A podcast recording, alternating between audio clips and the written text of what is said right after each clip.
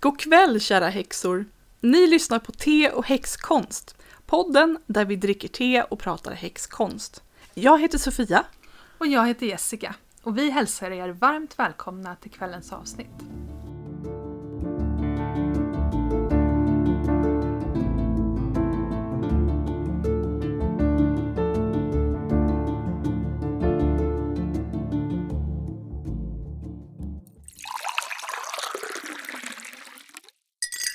Vad dricker du för te Jessica? Jag dricker faktiskt ett svart te idag. För jag blev lite sugen på svart te eh, häromdagen. Mm. Så det är ett eh, te från ICA, ekologiskt, Mm. som är smak av havtorn och skogsbär. Jag tycker havtorn är så himla intressant smak. Mm. Eh, men sen har jag så här, eh, jag har lite corona efter problem. Mm. Eh, för saker och ting smakar lite konstigt faktiskt fortfarande. Ah. Och, och just nu så smakar allting lite bränt gummi. Aj då. Och det är jätteirriterande. Så jag måste liksom variera smakerna lite grann. För efter ett tag så kommer den här brända gummismaken. Men det är helt jätte, jättekonstigt. Är det. Mm. Men jag hoppas att det går över så småningom. Ja. Men så, svart te idag faktiskt. Vad, Ja. vad, vad dricker du för någonting? Ja, men jag dricker mitt vanliga det här eh, ekologiska eh, Earl Grey från Twinings. Mm. Jag, Okej. jag var väldigt sugen på det. Jag kom precis hem från min kille. Och bara, åh, Mm. jag måste ha en stor kopp Earl Grey. Ja.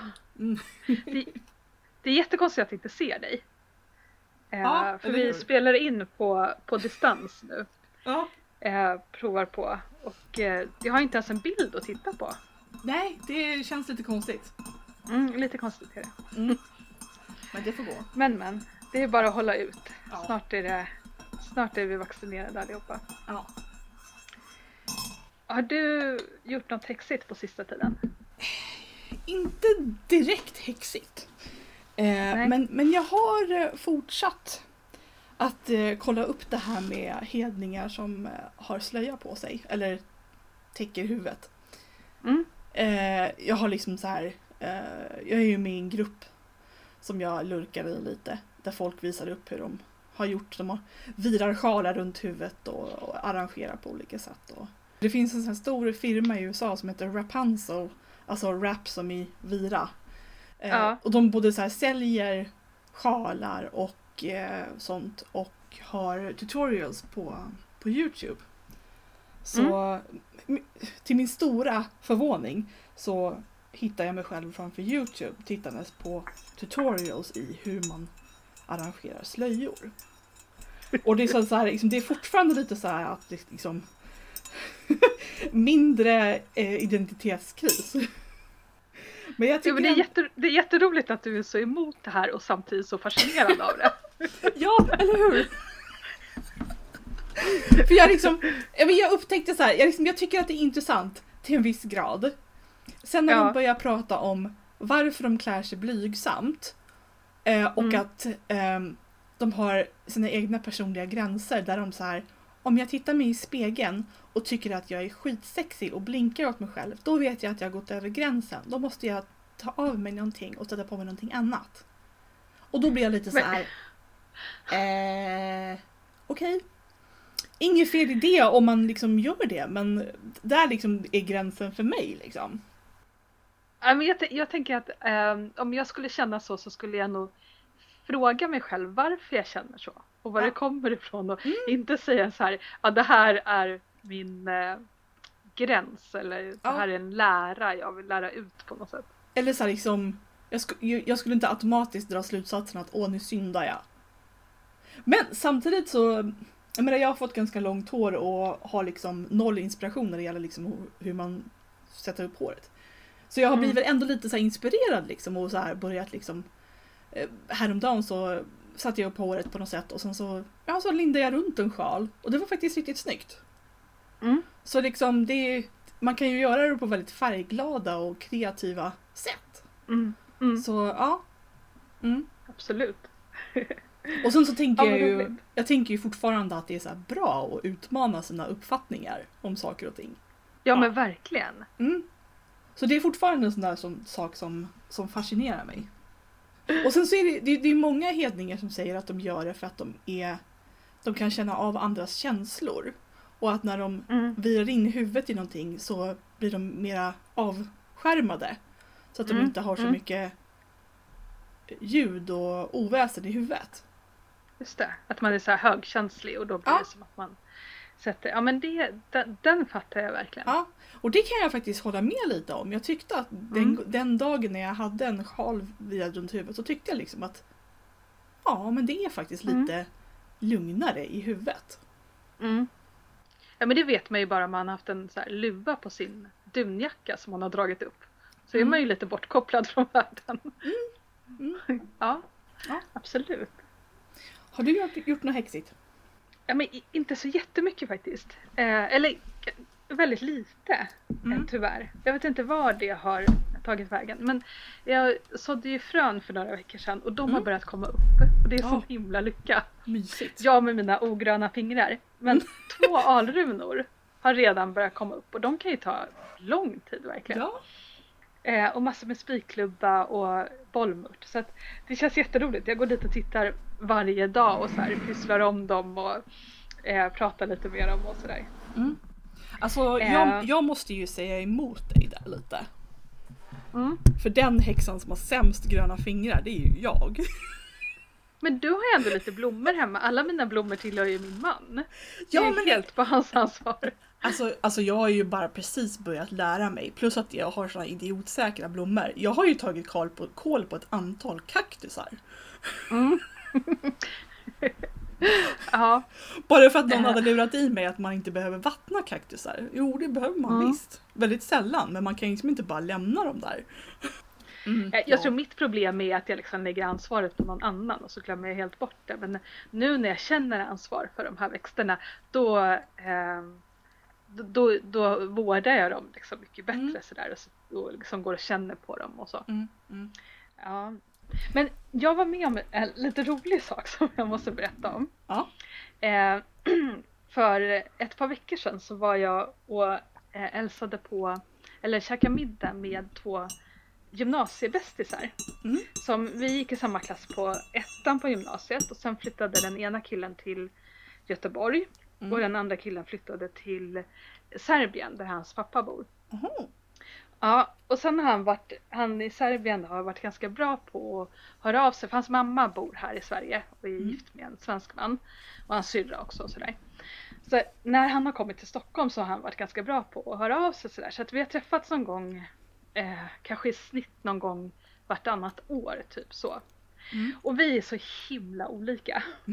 Jätteolika verkligen. Han är så superaktiv och jag vet att någon gång så sa jag så här, Åh, har du varit i New Orleans? Det skulle, dit skulle jag vilja åka också. Och han bara, men varför gör du inte det då? För han är liksom en sån person. Men jag är en sån som sitter, tycker om att sitta och drömma om saker. Och han Mm. bara, men det är bara att göra det man vill. Så. Mm. Mm. Och så han, han har inte fattat min andliga grej alls. Mm. Eh, och, och någon gång så sa han så här, ja du har ju alltid varit lite vidskeplig. Och jag har varit så himla så här, ganska sur på det. Jag Bara, ah. Så när han hörde av sig och bara, nu ska vi ses, vi tre. Eh, så var jag jätteglad i några dagar och sen, bara, sen började jag bygga upp det här liksom. Hur ska jag försvara vad jag håller på Mm. med just nu? Så, så eh, jag började liksom bygga upp ett försvar innan. Och sen Mm. när jag kommer dit så berättar han så här. Han bara, jag har haft ett andligt uppvaknande. Mhm. Ja. Och då visade det sig att hans fru eh, blev utbränd Mm. och blev tipsad om att åka till någonstans i Frankrike och var där en vecka och fick så här shamanhealing och grejer.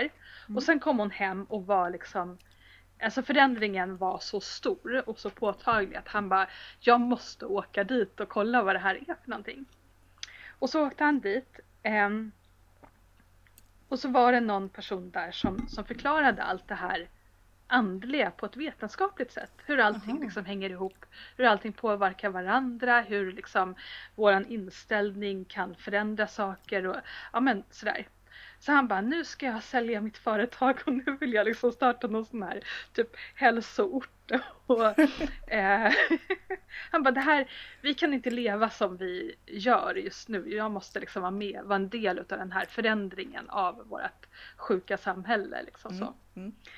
Eh, och jag tyckte det var roligt för han var liksom den sista personen jag trodde skulle kunna någonsin förstå det här. Liksom. Mm. Eh, han bara, nu vill jag ha din hjälp, nu får du hjälpa mig liksom in i den här världen. Typ så. Wow. Ja, så det var lite så här. ehm, ja, men jag tänker om han kan ändra inställning till det här Mm. så kan alla göra det. Så Ja. kände jag. Mm. Så det var, det var lite kul. Det var, inte, det var inga häxiga saker i sig, men, men Jo. lite grann ändå. Ja. Hörru, vi är ju den mysiga häxpodden i Sverige. ja! Har du hört det?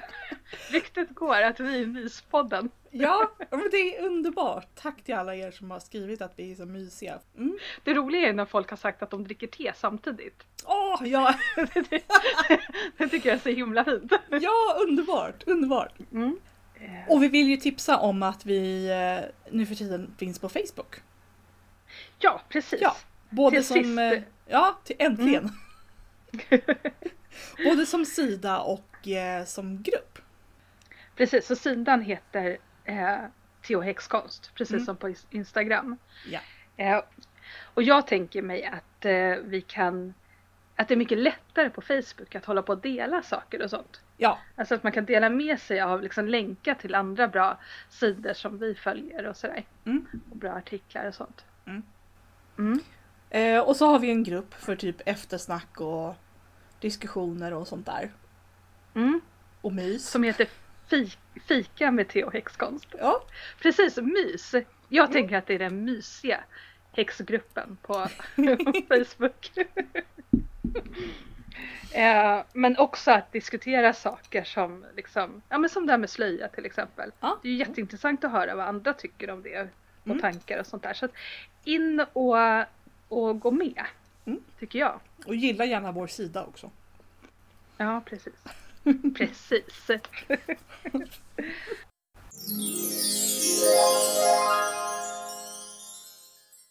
Vad ska vi prata om idag då? Änglar, finns de? Nej, alltså vi ska prata om änglar. Eller rättare sagt, jag ska prata om änglar för du hade inte så mycket att bidra med, sa du. Nej, jag har inte så mycket att bidra med. Och grejen är att jag, jag har liksom aldrig riktigt trott på änglar förrän Mm. jag träffar dig. Och jag, jag tror ju på dig. Och då tror jag ju på änglar. Men det är fortfarande... ja. Så, så att jag, men jag vill gärna hö, höra mer om eh, Mm. vad änglar är för dig. Mm. Vi kan ju börja med, vi börjar från början. Jag har alltid eh, gillat eh, religiösa filmer, speciellt änglafilmer. Eh, Där jag, jag, alltså såna här liksom spännande eh, filmer och som har liksom religiöst tema eller handlar om änglar. Eller om onda andar eller demoner eller djävulen. Så här. Jag har alltid varit lite fascinerad av det. Jag har alltid gillat sådana filmer. Mm. Eh, och bland annat så såg jag en när jag var ganska ung. Som hette var Prophecy 2. Eh, där en eh, söt tjej blir uppraggad av en jättesnygg ängel. För det finns de profetia om att hon ska föda ett barn och så barnet ska kunna besegra djävulen eller något sånt där. Mm. Eh, och det är en hel serie med filmer, jag tror det finns här typ tre eller fyra stycken. Mm. Eh, I, I första filmen kan jag ju rekommendera det, så spelar Viggo Mortensen djävulen. Mm. Okej. på, ett, på ett väldigt bra sätt. Så ja, ja. Mm. gå ut och hitta. Mm. Eh, nej men det är väl därifrån liksom att, jag, att det kommer den här fascina- fascinationen för änglar. Och sen när jag blev häxa så i början så var jag så här. Det kändes inte som en grej som man kunde kombinera med häxkonst för det kändes väldigt kristet. Mm. Eh, och jag blev så här. Får, får man tro på änglar om man är häxa? Mm. Och jag, jag vet inte vad får betyder. Vem är det som ska ge mig tillåtelse? Det är väl bara jag. Mm. Ja men verkligen. Och det är ju det som är att vara häxa. Ja. Att, man, att man skapar sin egen eh, tro och sin egen praktik. Mm. Tycker jag. Ja. Eh, och sen så eh, kom det ju en tv-serie här 2014, 2015. Med Mm. änglar. Eh, och Mm. eh, en av huvudpersonerna var ju då ärkeängeln Mikael. Eh, Mm. och ja, jag blev väldigt förtjust i den serien och eh, började liksom läsa på lite om änglar. Eh, det finns en jättebra bok eh, av den här klassiska häxförfattaren Silver Ravenwolf. Hon har skrivit en bok som heter Angels Companions in Magic. Eh, Som jag Mm. verkligen kan rekommendera. Det är liksom, hon går igenom typ allt som har liksom med änglar att göra. Mm. Historia, bakgrund, liksom allting.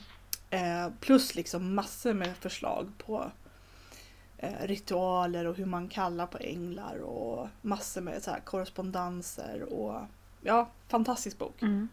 Mm. Eh, och hon lyckas liksom hålla det också på en sorts mellannivå. Så att det liksom inte blir kristet utan det blir liksom häxigt. Mm. Eh, och då blev jag ännu lite mer eh, fascinerad och verkligen började ehm, jobba med det. Mm. Vi hade ju bland annat den här fina ritualen ute i skogen. Det var ju när jag precis Just hade det. upptäckt änglar. Ja. Den var ju jättefin. Ja, eh, så då kallade vi ju in änglarna då från de, i de fyra riktningarna istället för elementen. Mm. Och sen också en stor del eh, av varför jag blev intresserad av änglar är ju också de här gamla legenderna om änglar. Det, står, det finns ju till exempel en passage i Bibeln där det står att eh, änglarna såg de vackra jordiska döttrarna och klev ner och skaffade sig fruar.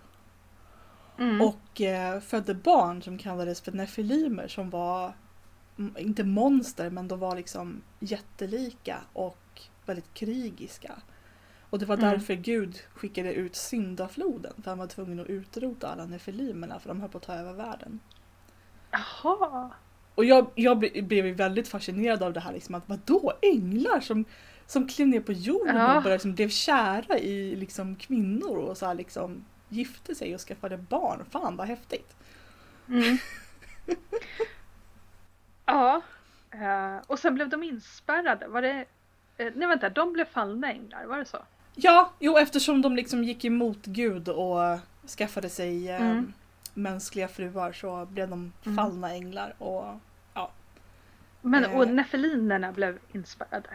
eh, Eller? Nej, de, Eller är det bara böcker jag har läst? de det, det har du säkert. Jag tror att eh, de fallna änglarna enligt legenden sitter inspärrade någonstans eh, under Okej. marken. Ja. Ehm, mm. Men det där är ju intressant därför att eh, inom eh, i liksom islamsk eh, muslimsk eh, folktro så Mm. är ju änglar så finns det ju änglar och jinner. Jinner är ju liksom andeväsen som Mm. kan vara liksom beskyddare av en hel släkt eller en plats eller eh, och de är också så här, de är, kan, är som naturen. Medan änglarna är Guds vilja. Mm. Så änglarna har liksom ingen fri vilja. Människor och Mm. jinner har fri vilja. Mm. Men inte änglarna. Men i Bibeln då så står det att änglarna faktiskt gick emot Gud. Mm, ja precis, och det var ju um, Lucifer, han var ju ärkeängel. Just det. Så, mm. Men det roliga med eh, Koranen är ju att både Mikael och Gabriel finns ju med i Koranen. Ja. Det finns ju så här riktigt gamla bilder eh, innan man började förbjuda att man avbildade Mohammed. Mm. Så finns det så här riktigt gamla bilder på när han blir eh, när han flyger tillsammans med en ängel till Mhm. Jerusalem.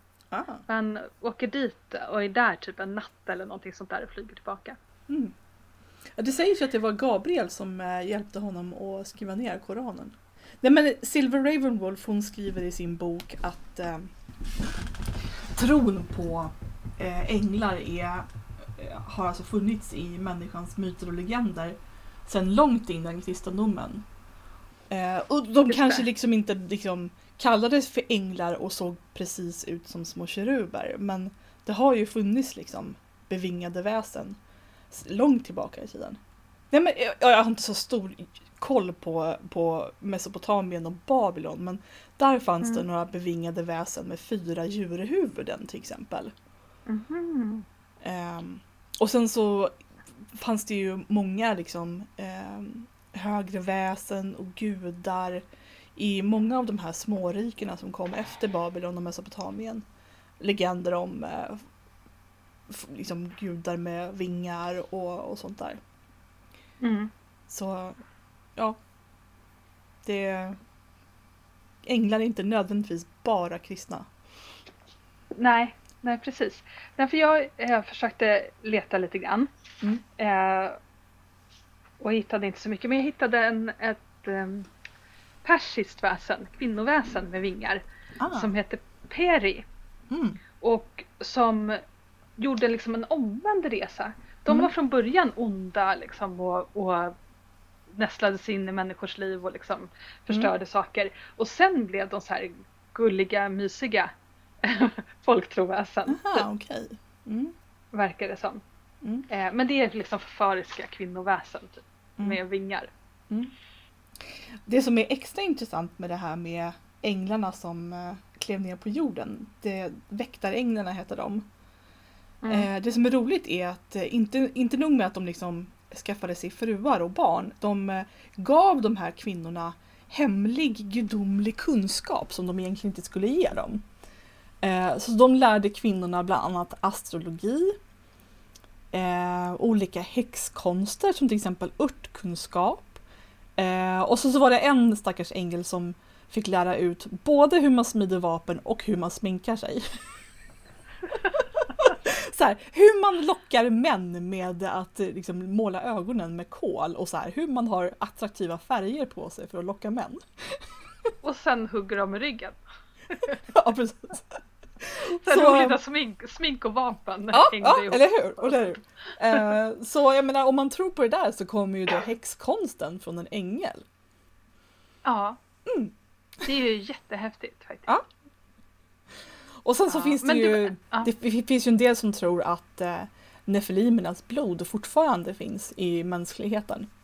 Och att det är därför Ja. människor har magiska förmågor. Och det är inte så nödvändigtvis att jag liksom tror bokstavligt talat på att det här har hänt. Men jag tycker det är väldigt fascinerande legender. Men du, vad, vad är det för skillnad på änglar och gudar och gudinnor? Eh, Det- Alltså din upplevelse av det. Liksom när du upplever Hekate och när du upplever Mikael. Liksom, vad är det för skillnad i det? Och måste det vara en skillnad? Eller? Jag vet inte riktigt. Alltså, jag upplever ju änglar som någon sorts eh, alltså budbärarväsen som, som liksom färdas mellan de hö- övre planen och jorden. Som alltså går och Ah, kontaktar ganska lätt medan jag ser Hekate som någon som är bara på de högre planen. Okej. Olika liksom Ah, ja. nivåer på något sätt. Mm. Mm. Ja, vad intressant. Mm. Men hur tänker du med liksom skyddsänglar och eh, Ja, alltså skyddsänglar, det sägs ju att alla som alla har liksom en egen skyddsängel. mm, Mm. Och jag, jag har faktiskt eh, jag har eh, försökt kontakta min. mm. Eh, och det, det, det är ganska trevligt. Jag, ibland på morgonen så, så tänder jag ett ljus och så säger jag god morgon till min skyddsängel. Åh, vad fint. Men eh, och, um, är det liksom skillnad mellan skyddsänglar och skyddsandar? Men jag tror faktiskt inte det. på Nej. något sätt. Det, alltså det beror ju helt på hur man definierar det. Romarna hade ju ehm, eh, hjälpsamma skyddsandar eh, både i sina hem och i sina familjer. Ja, Ja, så här la, larer. precis. Ja. Mm. Och jag Eh, tänker att, att i, i alltså, fornnordiska så hade man eh, fylljord. mm, Eller hur? Mm. Som kunde vara liksom släktens skyddsande typ. mm. Och jag tänker även på de här, här grekiska daimoner. Så här Mm. inspirerande, beskyddande väsen. Det, är liksom, Mm. det beror ju helt på liksom hur man definierar ängel, var man drar gränsen där. Ja. Mm. Alltså det är så, det här tänker jag på så himla mycket sådana saker. Vad är skillnaden? och hur funkar det egentligen där på andra sidan? Ja, eller hur? En annan sak som jag tänkte på var att jag har hört eh, eh, Alltså jag har hört en, en tjej som var vikan, fast solitär, Mm. eh, kalla in de olika riktningarna Mm. Och då, eh, då kallar hon in väktarna, eller typ tornväktarna tror jag till och med, Mm. i de olika riktningarna. Mm. Eh, och, och då tänker jag så här, hemma hos dig så finns det eh, ärkeänglar i de Mm. olika riktningarna. Du har de Mm. här fina eh, bilderna på väggen. Mm. Men det skulle ju kunna vara lite samma sak egentligen. Jag har ingen aning faktiskt men man kan Nej. ju alltså, de stora fyra ärkeänglarna har ju liksom varsin riktning. Så man kan Mm. ju istället för att kalla in liksom jord, luft, eld och vatten så kan man ju kalla in ärkeänglarna istället. Mm, just det. Mm. Och de tillhör också olika element. Ja precis, de har var, var sitt liksom. Så Mm. därav att jag har liksom ärkeänglarna i de fyra riktningarna. Ja. Kan du inte berätta, vilken är Mikael? Var sitter han någonstans? Och vad Eh? Mikael är eh, söder, eh, elden. Mm. Eh, Rafael i öst, luft. Gabriel i väster, vatten. Och Uriel i norr, eh, för jord. Ja, för, för min bild av änglar är ju på något sätt från så barndomens bokmärken. Hade du bokmärken? Ja absolut, ja. Jag tror vi är jättegamla som hade bokmärken när vi var små. för det är någonting som inte finns längre. Men, eh, så det var liksom änglar på små moln, typ så. Ja, Sen Doreen Virtue som Ja. vars kortlekar är väldigt populära. Och jag har aldrig gillat dem. Och det är lite fult eftersom jag har faktiskt översatt tre utav dem. Eh, och jag tycker, inte att, jag tycker inte att hennes språk är särskilt bra. Och jag tycker att de är väldigt massproducerade och så. Men, men de är ju verkligen på ett sätt liksom Mm. den typen utav änglar. Men sen eh, var ju vi på Witchfest mm. Och hörde den här killen som hade lärt sig änglaspråket. Men det är ju en helt annan typ utav änglar. ja precis. Ja. Alltså, Mm. när man tänker på liksom Doreen Virtue och hennes eh, eh, kortlekar. Så det där är ju liksom den här klassiska new age-versionen och även den kristna versionen av änglar. Att de liksom Mm. är snälla och ljusa och rara. Eh, Mm. Och lite gulliga. Ja. Och liksom eh, när Är Cupid... det, för- förlåt, men är det verkligen den kristna versionen? Ja men stor Är del. inte det väldigt new age? Jo men den är väldigt Ja. new age-influerad men jag tror Ja, att en stor ja. del av kristendomen är också lite åt det hållet. Ja. Eh, så länge man inte är så superevangelisk och bara, nej men änglar, kortlekar kan man inte hålla på med. Det, det är hädelse. Men jag tänkte mer att de här liksom eh, i bibeln så beskrivs de som så stora och Ja, frukta, alltså någonting att frukta på något sätt. jo men precis. Alltså, jag, jag, börjar, jag börjar verkligen tvivla på att de, liksom, att de flesta kristna faktiskt har läst bibeln överhuvudtaget. Ja, det, jag med. För liksom, den här, liksom, det är ju en jätteskillnad liksom på vad som vad man har för bild av änglar i vår kultur. Medan liksom, läser man bibeln noggrant så är de ju läskiga. Jag menar Mm. liksom, vem dödar alla förstfödda söner i Egypten förutom Ja. Moses? Ja. Ja, änglar. Vem, Ja, vem sätter eld på Sodom och Gomorra med samtliga invånare inuti? Ja, änglar. Jag har också varit med om en grej när jag gick min healerutbildning så kommer jag ihåg att vi satt och mediterade och så var det en av lärarna som bara "Åh, Vad hände nu? Eh, och jag kände bara rädsla i den stunden. Eh, och det var flera andra som också kände det. Eh, och efteråt så sa hon så här, men det var det kom in två änglar, sa hon. Ehm, och en sak som jag tänkt på lite sedan vårt avsnitt om eh, eh, svart och vitt. Mm. Eh, att man liksom delar in saker i mörker och ljus och svart och vitt och ont och gott och sådär. Mm. Eh, men det som jag skulle kunna dela in saker i, det är tungt och lätt.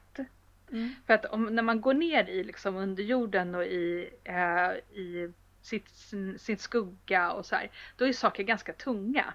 Mm. Medan när man går uppåt i sitt högre jag så är det lite lättare. Mm. Eh, men och, om, om du skulle gå till ett gym, det skulle varken du eller jag göra, men Mm. om vi skulle gå till ett gym så skulle vi inte tycka att de lätta tyngderna var liksom de bättre, utan att det tunga ger en, en liksom den utmaningen man, man letar efter. Men jag, alltså min bild av änglar som inte är Doreen Virtues änglar Mm. är att de också kan vara, det kan vara en tyngd i dem. Absolut. Även om de man upplever att de kommer uppifrån. Förstår Mm. du vad jag menar? Alltså det är ju kraftfulla energier.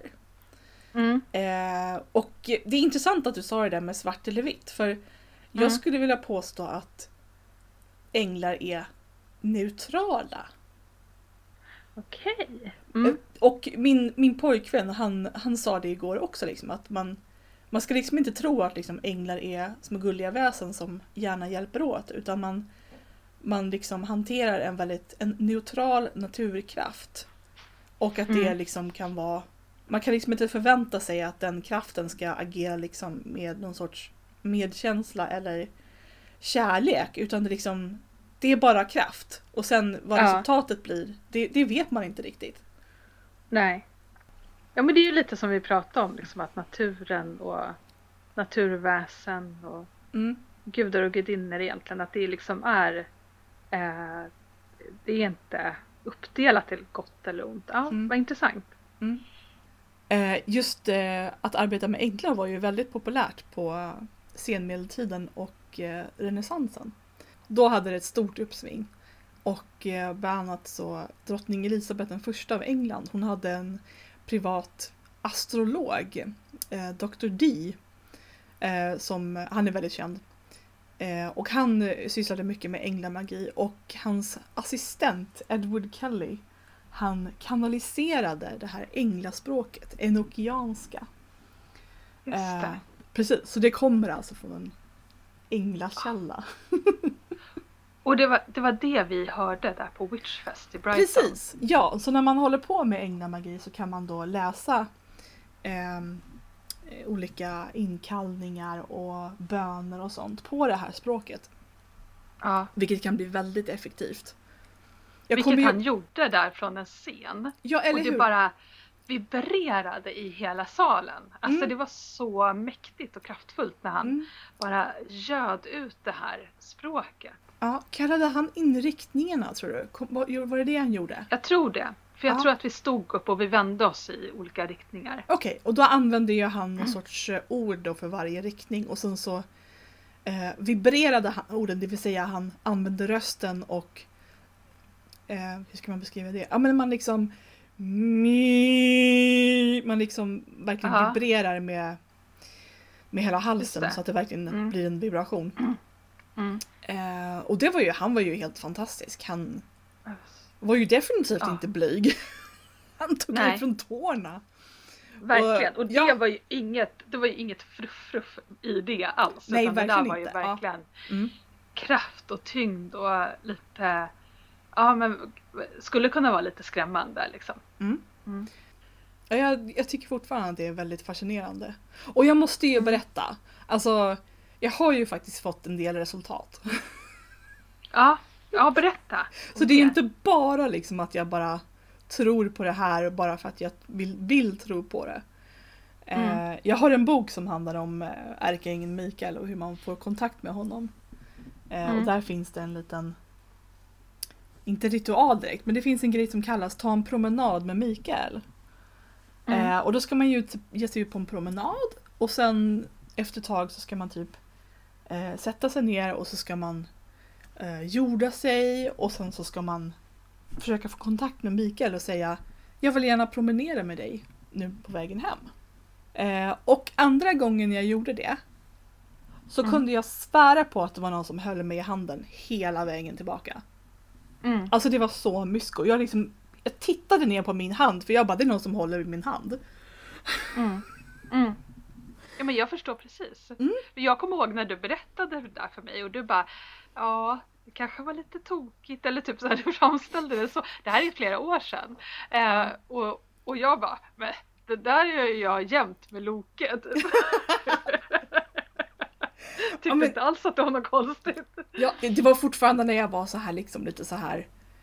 eh, Kan man, kan man, vara, kan man vara så här häxig och flummig? Ja precis. Ja, precis. ja det kan man. Vilken tur att du har mig som bara Ja. allt är, allt är okej, ingenting är knas. Ja, det är jättebra. Mm. Och bara för att återvända till de här eh, väktaränglarna och nefilimerna ett tag. Eh, det, alltså, det är ju min personliga eh, teori att de här nefilimerna har liksom lämnat avspår i våra legender och myter som till exempel jättarna i Mm. Norden. Eh, Mm. Som eh, titanerna som blev grekisk, Greklands gudar. Eh, och att det här då egentligen är nefilimerna, det vill säga barnen av, eh, som är hälften änglar. Det är ju, ja, jag gillar den tanken. Det är Fast det en- ställer sig lite emot min teori om att äh, jättarna är natur, naturkrafter. Ja, jo. Fast det men- kan de vara för sig också, om änglarna också är liksom naturkrafter. Mm. Ja, Alla får ha sin egen teori. ja, men jag vill att alla teorier ska funka tillsammans. Jag vill att det ska liksom alla, allting ska bilda liksom ett stort pussel och på något sätt liksom kunna Mm. så här, eh, kopplas ihop till en helhet. Mm. Ja, ja, men jag gillar den idén, absolut. Och Mm. jag gillar att vi alla har lite titanblod i oss. Ja, Eller lite nefelinblod. Eh, och det roligaste är ju att Hekate, en av hennes epitet, alltså en av, en av hennes tilltalstitlar är ju Mother of Angels. Men det är ju jättehäftigt. Var, kom, Ja. var, var kommer det ifrån? Ehm, jag vet inte riktigt, jag tror att det helt enkelt kom från, kommer från Grekland tror jag. Jag, Ja. vet, jag, är inte så här, jag vet inte exakt var det kommer ifrån men ett av hennes gamla namn är verkligen det, Ja. Änglarnas moder. Alltså jag älskar det där när olika liksom, kulturer Mm. och religioner möts och bara blandas samman liksom, till en... eh, ja, det är ju helt uppenbart. Det två, för oss är det ju två vitt, vitt, vitt skilda religioner som Mm. man liksom folkligt har bara... Ja, båda funkar liksom. Ja. Mm. Och sen så har jag sett eh, ett fantastiskt exempel på en skyddsamulett från ganska tidigt, eh, kanske de hundra år, första hundra åren efter Kristus. Eh, När kristendomen liksom har börjat sprida sig lite. Jag tror att den här amuletten hittades i Egypten. Eh, Mm. Och då hade, var det, en, det var inskriptioner på och då var det alltså, det var skyddsamuletten åkallade både Hekate, Anubis och ärkeängeln Mikael. Åh, jag älskar det! Det är så fint! Vilket jag tycker är så helt fantastiskt. Liksom. Plus att jag Ja, liksom bara, ja. aha, så man kan blanda änglar och vara häxa. Och jag Ja. bara, ja, Ja, Hekate och änglar! Eller hur? Så, Ja. så, så jag har liksom inga problem med att kombinera Hekate och ärkeängeln Mikael. Nej. Nej. Nej men precis.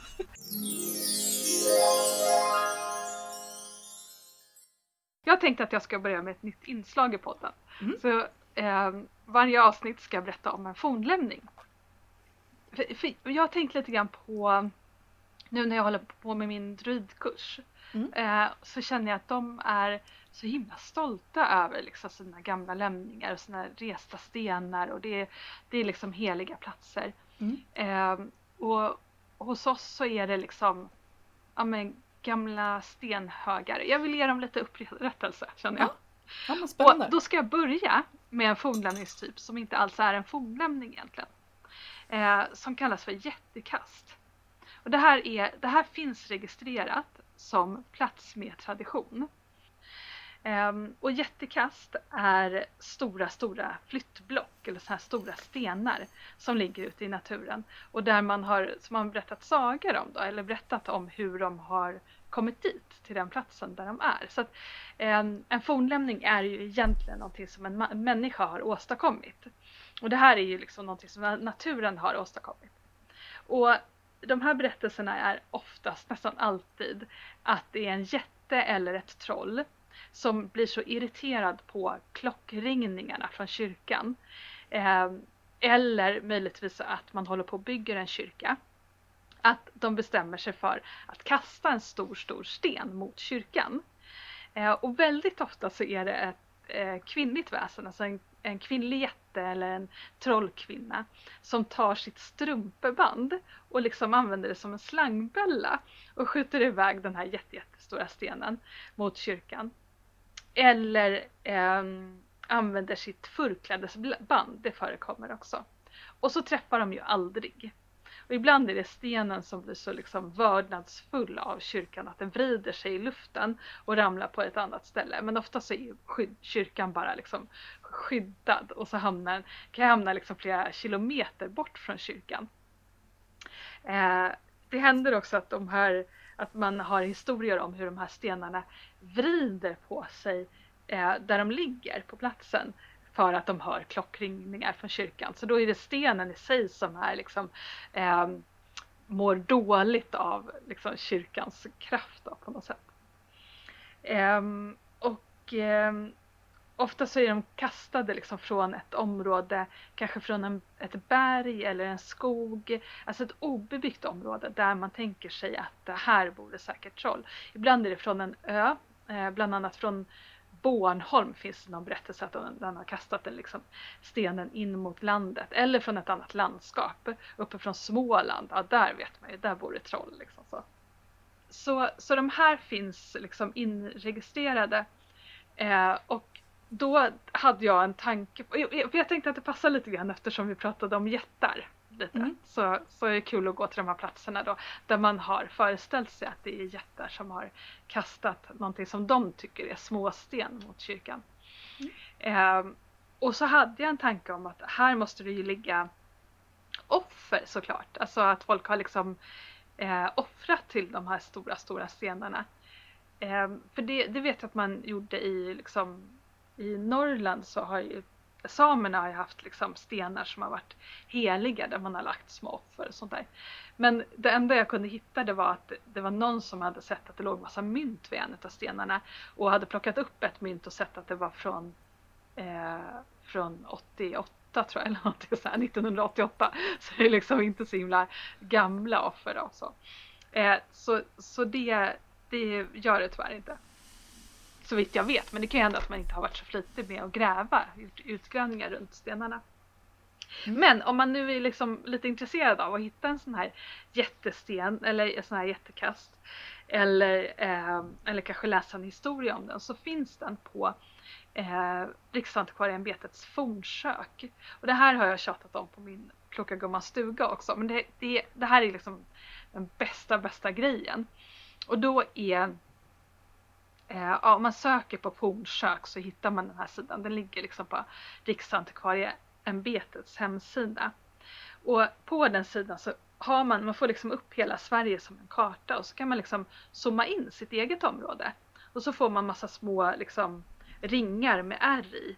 Och så kan man klicka på dem och se, aha men här där jag bor så ligger det ett röse eller en eh, eh, stensättning eller sånt här jättekast kanske. Men om man också vill liksom söka just på jättekast så finns det liksom en sökfunktion.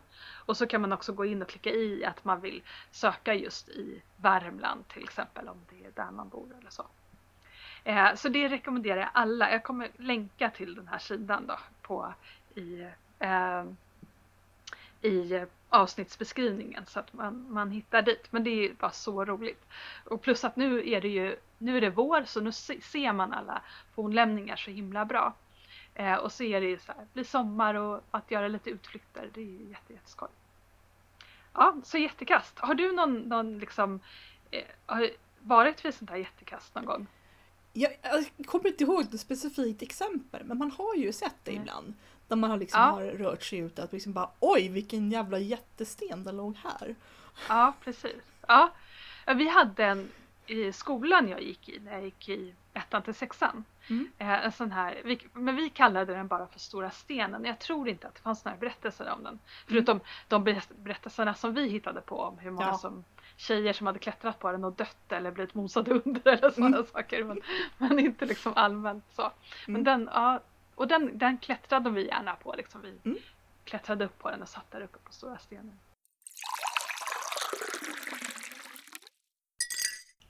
Har du några häxtips?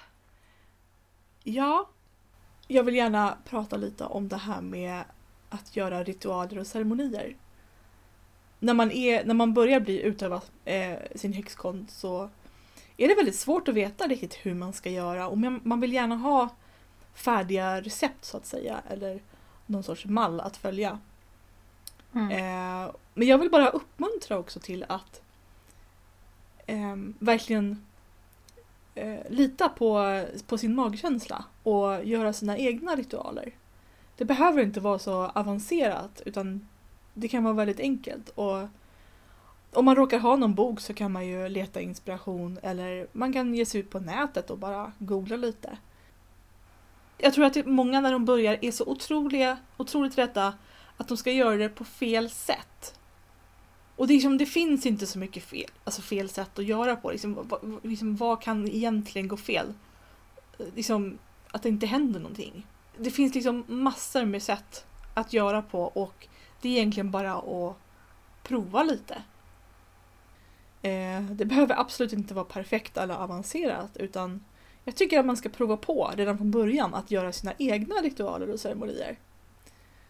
Eh, och verkligen eh, lära, liksom, lära sig att känna i magen vad som känns bra och vad som inte känns bra.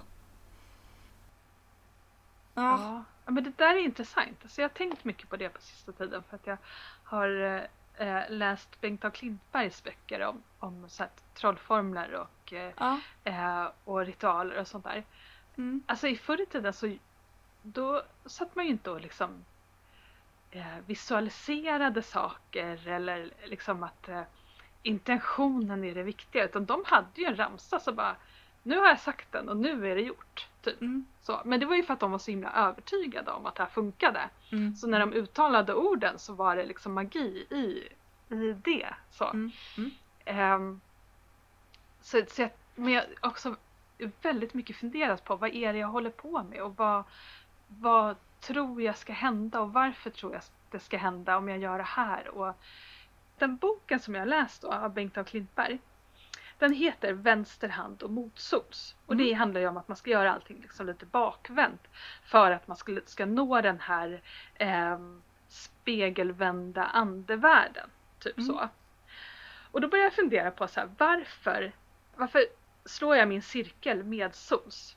Mm. Det är ju för att jag läste det för 25 år sedan i en Vickas handbok. Mm. Att det är så man ska göra. Mm. Man eh, gör en cirkel med sols och man öppnar cirkeln sen, öppnar upp den motsols. Mm.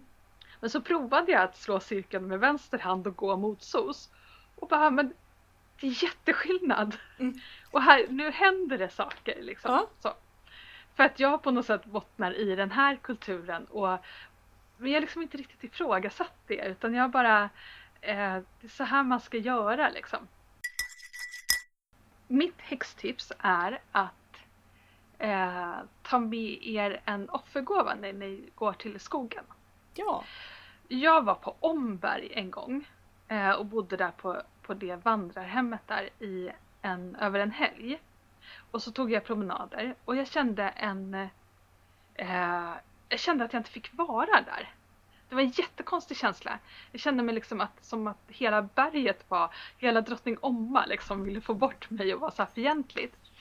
Eh, men jag hade tagit med mig en offergåva. Jag hade någon liten sten tror jag som jag hade bestämt mig för att jag skulle eh, lämna. Och så till slut så gjorde jag det. Och med en gång så skiftade energierna. Så. Och så har jag gjort det här lite grann i skogen att jag liksom kan ta med mig en offergåva eller jag kan ibland så kan jag liksom eh, ja, att plocka skräp ger egentligen samma effekt faktiskt. Att man mm. plockar bort skräpet. Eller mm. har gjort för mig då. Så. Mm. Eh, men om man har någon speciell plats som man liksom vill, som man tycker om och känner att det här, här trivs jag, här vill jag liksom sitta i sommar och eh, känna naturen eller det är något speciellt träd som man tycker om eller så. Så ta med en liten offergåva. Det kan vara, eh, alltså helst kan det ju vara någonting som man kan äta, alltså någonting som eh, någon liten kaka eller någon frukt eller lite nötter eller något sånt där. Mm. Och, och känn efter liksom om, om energierna förändras eller om man liksom, ens relation till eh, naturen och till träden och sånt blir, skiftar liksom, på något sätt. Mm. Ja, så det, det är mitt eh, häxtips. Mm. Lite, ja, lite enkelt kanske men, men underskatta inte det enkla. Det var allt för den här gången kära häxor. Har ni erfarenhet av änglar? Har ni kanske en egen skyddsängel? Hör gärna av er berätta. Ni hittar oss på teokhackskonst.wordpress.com Hackskonst med A. Vi är tillbaka om tre veckor. Tills dess, lev inte snabbare än din skyddsängel kan flyga.